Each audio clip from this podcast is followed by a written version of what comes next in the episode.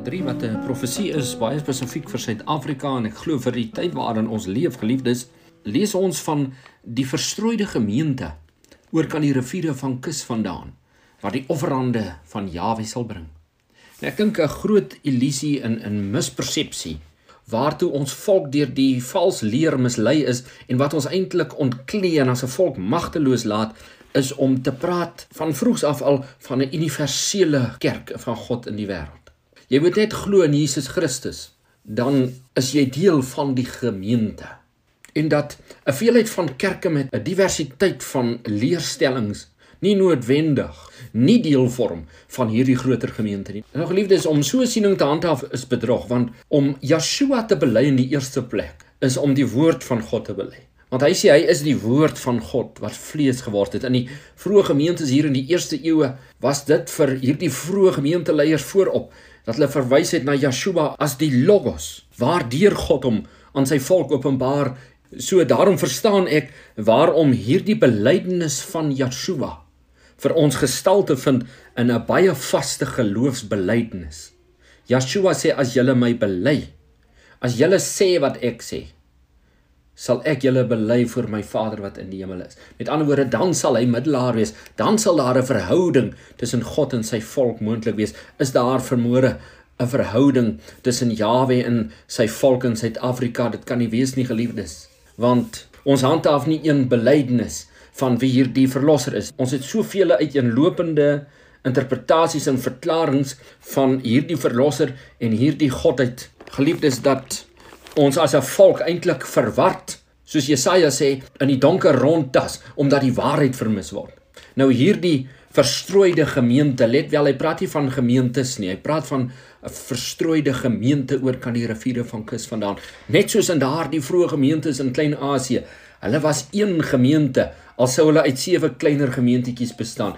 Een gemeente daarin wat definieer of maak die grondbeginsel van die eenheid van die gemeente uit dieselfde belydenis van geloof.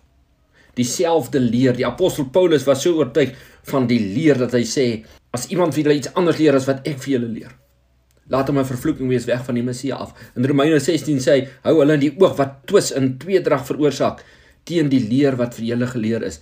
En Johannes sê julle moet die geeste op die proef stel of hulle wel uit God spreek.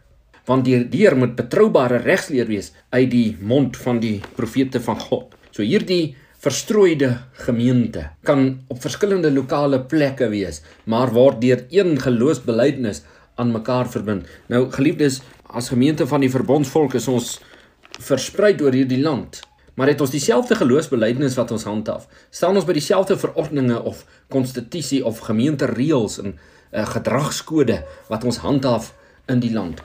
En daarom kan ons met reg praat van die gemeente. Al sou ons bestaan uit veelheid van gemeentes. Ons let ook in Sefanja 3 praat hy nie net van die verstrooide gemeente nie, maar hy praat ook van 'n offerande in die enkelvoud. Hy praat nie van offerandes elke Sabbat in elke kerk op elke hoë heuwel en onder elke groen boom nie, want dis die aanklag van die profeet oor die tyd. Hy sê want daar het my volk geleer om hulle weer te rig na die vreemdes. Hy sê daar alleenlik ken jou ongeregtigheid dat jy teen my oortree. Alleenlik omdat jy nie verstaan of wil verstaan hoe die gemeente van God daarna uitsien. Daar's Israeliete in die land wat vermoere teen my staan weens my verklaring en interpretasie van wie die gemeente van God is. As ons nie een gemeente is nie, is ons nie beskik nie en is ons nie in die beskerming van God nie.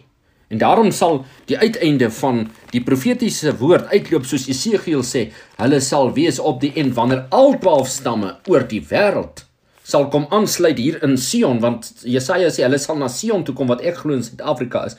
En hier na die huis van God sal hulle toestroom en sê Judeese manne leer ons die weë van julle God. Leer ons ook om in sy weë te wandel. Ons wil eensstemmig met julle wees in julle verklaring en julle belydenis van God. Ons is lankal in Suid-Afrika nie meer aan die God van die Bybel gebind nie. En geliefdes, is 'n groot ontsteltenis en eintlik 'n hartseer in my hart dat ek na 11 jaar in die bediening agterkom maar my volk wil nie regtig van God weet nie. Hulle praat oor God en hulle is Christelik en in die kerk en hulle sê hulle glo in God want die meerderheid praat so. Maar die ware belewenis met God dit ontbreek. En solank die gemeente 'n een eendragtige eenheid vorm, is hy onvernietigbaar. Wat het gebeur dat die vroeë gemeente na 300 jaar begin uitmekaar val? Geliefdes, daar was geweldige tweedrag in die vroeë gemeente in Rome teen die 3de eeu. As jy nou so 'n bietjie navorsing gaan doen en gaan sien hoe die die stryd wat daar in die vroeë gemeente was tussen die katolieke Christene en die dokutiste wat eintlik die Christendom of die gemeente gelykop verdeel het. En toe dit gebeur, dit is soos die skrif sê as 'n huis in homself verdeel is, is sy bestemming om verwoes te word.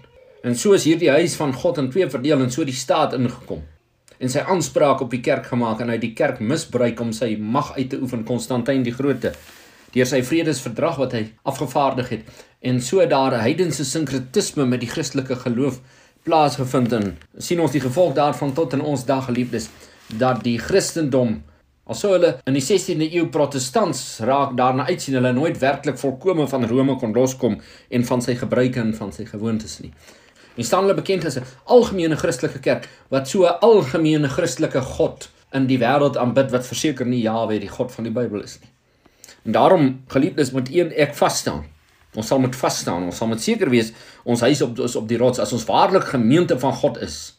Al is ons verstrooi oor hierdie land en al is ons min in getal, dan sal die tyd aantoon en die storm wat oor die land kom of ons waarlik op die rots gebou is. Die ware gemeente van God sal geopenbaar word deur die gety wat oor die land en die geweld en die storm wat oor die land kom geliefdes. Dan sal die huis van Jawe vas staan op die top van die berge en dan sal nasies daarheen toestroom, die Israel volkere in die wêreld erkentlik oor hierdie gunsgenote van God. Maar geliefdes, wanneer hierdie uit een moederskoot gebore semities van oorsprong, aanbidders van God, die ware aanbidders van God, hierdie offerande van Jawe sal bring aan lees ons in Sefanja 3 sal Jawe voor die oë van die nasies hulle lot verander.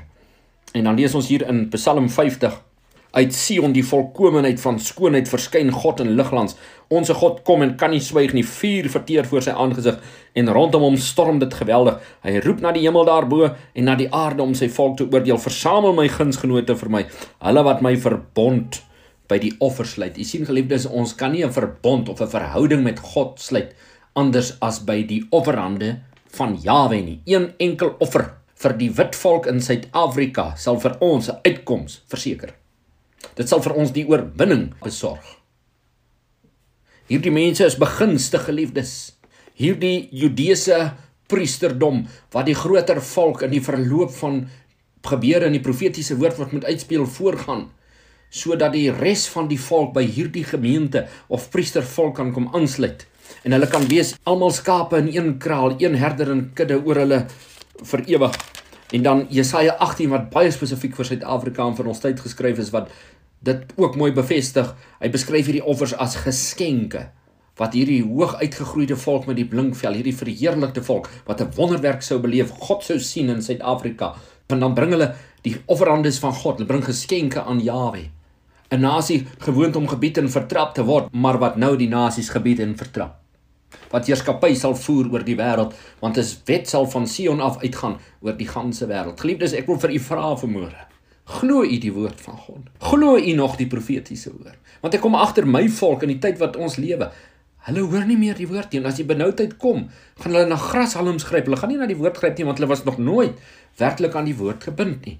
Glo u werklik die profetiese woord?